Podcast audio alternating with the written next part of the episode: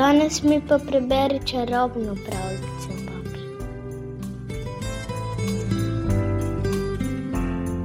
Čeprav čisto majhen, je prebrisani palček z lahkoto ugnal vse, ki so mu stopili na pot.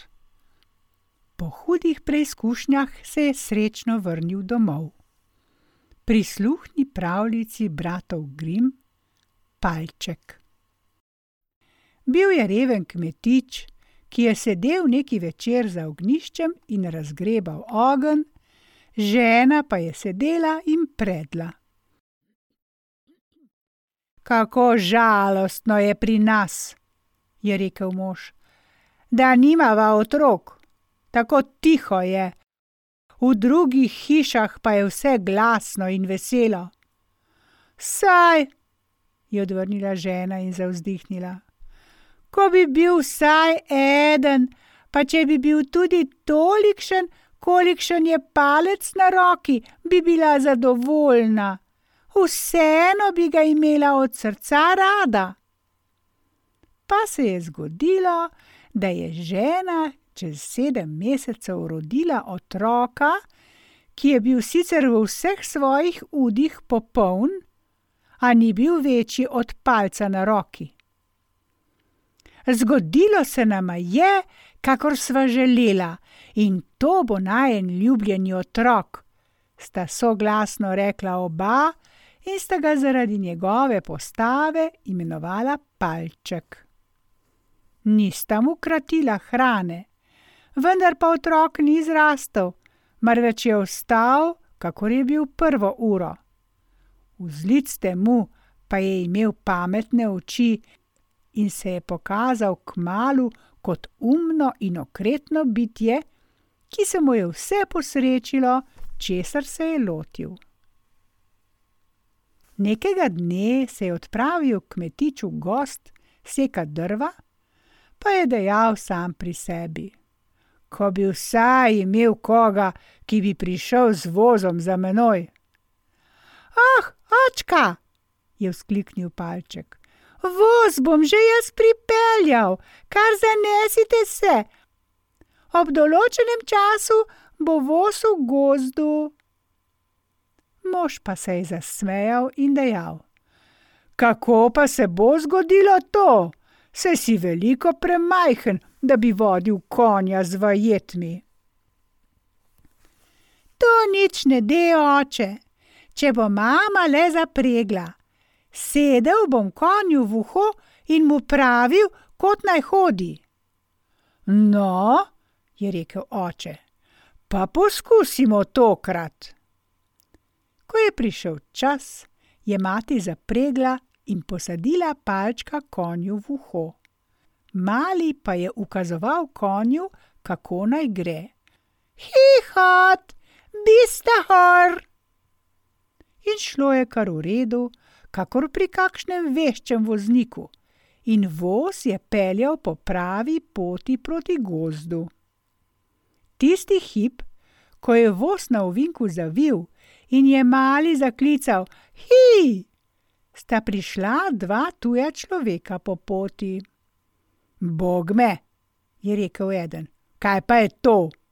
Tu ti pelje voz in neki voznik upije konju, a ga ni videti. Tukaj nekaj ni v redu, je rekel drugi. Pojdiva za vozom in poglejva, kje se bo voz ustavil. Voz pa je zapeljal v gozd in se pravilno ustavil, kjer so sekali drva. Ko je palček zagledal očeta, je rekel: Vidite, oče, da sem res prišel z vozom. Postavite me zdaj na tla. Oče je prijel z levico konja, z desnico pa je vzel svojega sinka konju iz ušesa in ga postavil na tla. Palček je veselo sedel na slamnato bilko. Ko sta tujca zagledala malčka, od začudenja nista vedela, kaj bi rekla. Stopila sta v stran in eden je dejal: Slišiš, tale možiček bi nama lahko prinesel srečo, če bi ga v velikem mestu kazala za denar. kupiva ga. Šla sta k kmetu in mu dejala: Prodajte nam tega le možička, dobro se mu bo godilo pri nama. Oče pa ni hotel. Ne, to je moj ljubljenček in za vse zlato na svetu ni na prodaj.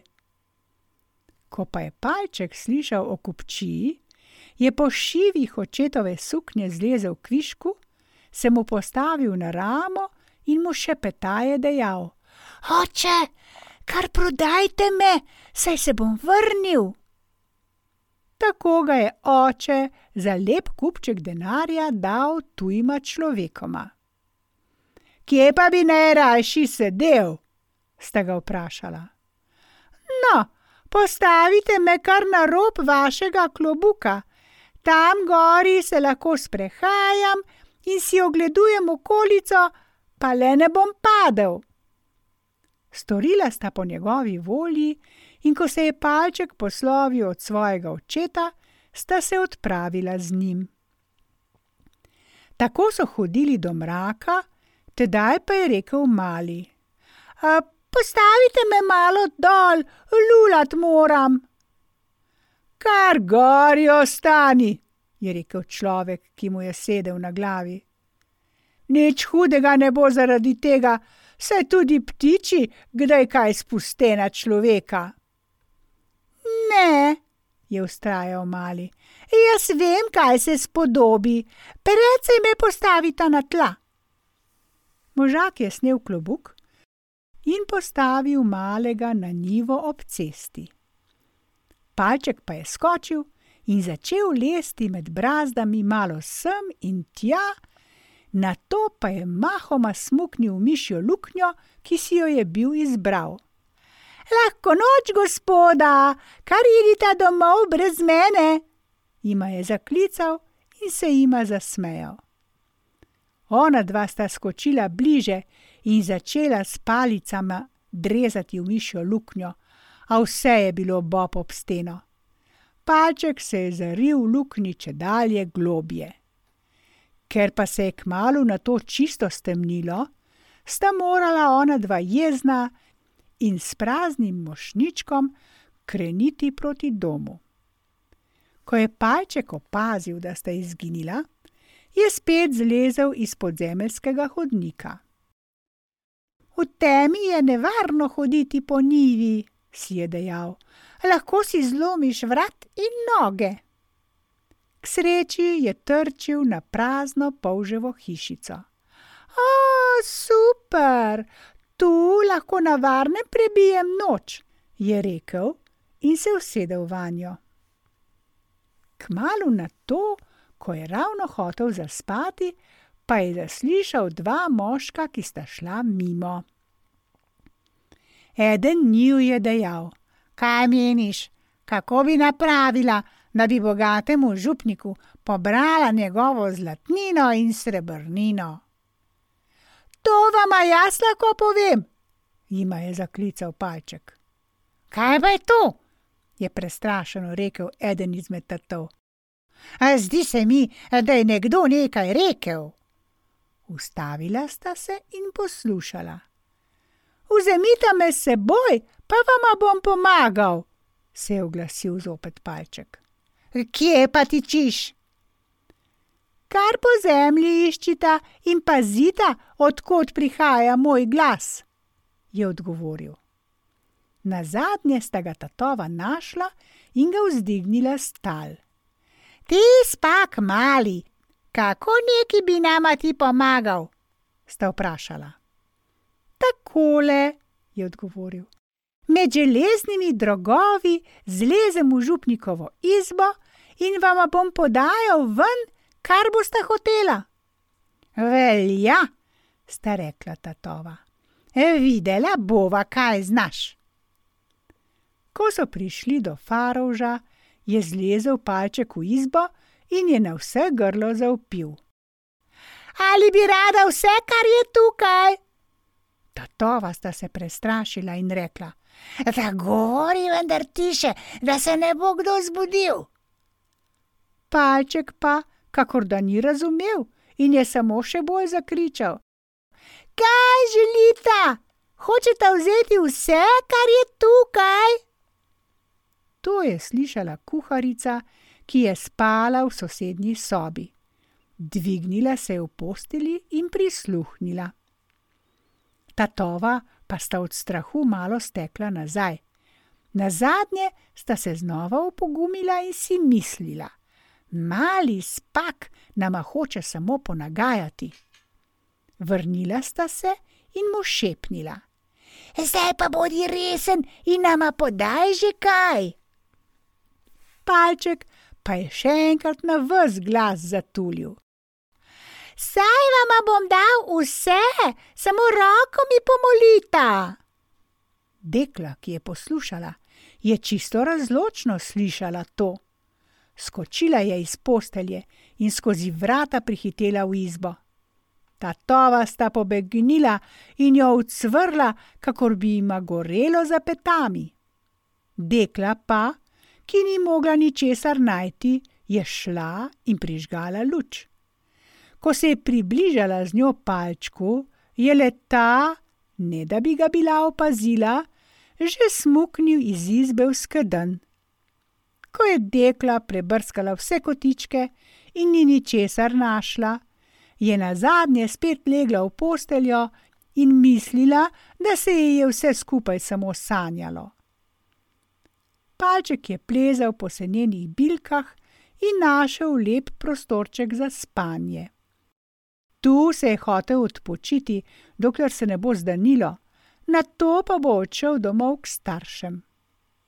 Moral pa je doživeti še druge stvari. Res, veliko je tegob in stisk na tem svetu. Dekla je bila že ob prvem svitu na nogah, da bi nakrmila živino. Njena prva pot je bila v skedenj, kjer je zgrabila naročje sena in to prav tistega, v katerem je ležal in spal ubogi palček. Spal pa je tako trdno, da ni ničesar čutil, in se je zbudil šele tedaj, ko je bil že v kravjem gobcu, ker ga je krava zgrabila šopom sena. Ojoj, mene, joj, mene, kako pa sem prišel v te mlinske stope? je zaklical, a je kmalo opazil, kje je. Zdaj je moral paziti samo, da ne pride med zobe in da ga ne bo krava zmlela v gobcu. Na to pa je le moral vseeno vred zdrkniti v želodec. V tej kamrici so pozabili na okna in nič sonca ni v njih, je vzkliknil. Luči se pa tudi ne prižigajo. Sploh mu ta kvartir ni bil kar nič pogodu in kar je bilo najhuje, je venomer prihajalo novo seno skozi duri in je bil prostor če dalje ožji. Tedaj pa je naposled na vse glas zaupil: Ne dajajte več novega sena, ne dajajte več novega sena. Dekla je ravno molzla kravo in ko je zaslišala govoriti, ne da bi koga videla, in je bil to isti glas, ki ga je že po noči slišala, se je tako silno prestrašila, da je zdrknila spručke in razlila vse mleko. Na vrat, na nos je stekla k svojemu gospodarju in zaupila: Za božjo voljo, gospod župnik, krava je spregovorila. Znorela si, avša, je dejal župnik a je le odšel v hlev in hotel videti, kaj je. Komaj pa je stopil v hlev, je palček znova zaupil. Ne dajajte mi več novega sena, ne dajajte mi več novega sena. Tedaj se je župnik sam ustrašil, meneč, da je hudi duh obsedel kravo in jo je ukazal pokončati. Zaklali so jo, želodec pa, v katerem je tičal palček, so vrgli na gnoj. Palček se je z velikim naporom prerival po želodcu, a je po mnogem trudu le dobil prostora v njem. Ko pa je ravno hotel pomoliti glavo ven, ga je doletela nova nesreča. Pritekel je se stradan volk in z enim samim grižljajem pogoltnil ves želodec. Palček ni izgubil poguma. Ne mara se bo dal volk pogovoriti s seboj, je pomislil in zaklical mu je iz njegovega trebuha. Dragi volk, jaz vem za imeniten plen. Kje pa ga lahko dobim? je vprašal volk. V tej in tej hiši, mu je natančno opisal hišo svojega očeta. Po žlebu moraš zlesti v shrambo in tam boš dobil potic, slanine in klobas, kolikor se boš hotel nažreti. Volk si ni dal dvakrat reči, zrinil se je po noči po žlebu v shrambo, ter se tam po mili volji nažrl. Ko pa se je nasitil, je hotel spet oditi a trebuh se mu je tako napel, da ni mogel po isti poti nazaj. Palček je računal s tem in je začel v volkovem trebuhu silovito razgrajati. Kričal je in upil, kar mu je grlo dalo. Bodino tiho, mu je govoril volk, ljudi boš zbudil. Eh, kaj? Je odgovoril mali. Ti si se nažrl, tudi jaz hočem biti malo vesel. In je spet začel na vso moč upiti. Oče in mati sta se od tega hrupa na zadnje prebudila, stekla sta k shrambi in pogledala skozi špranjo vanjo.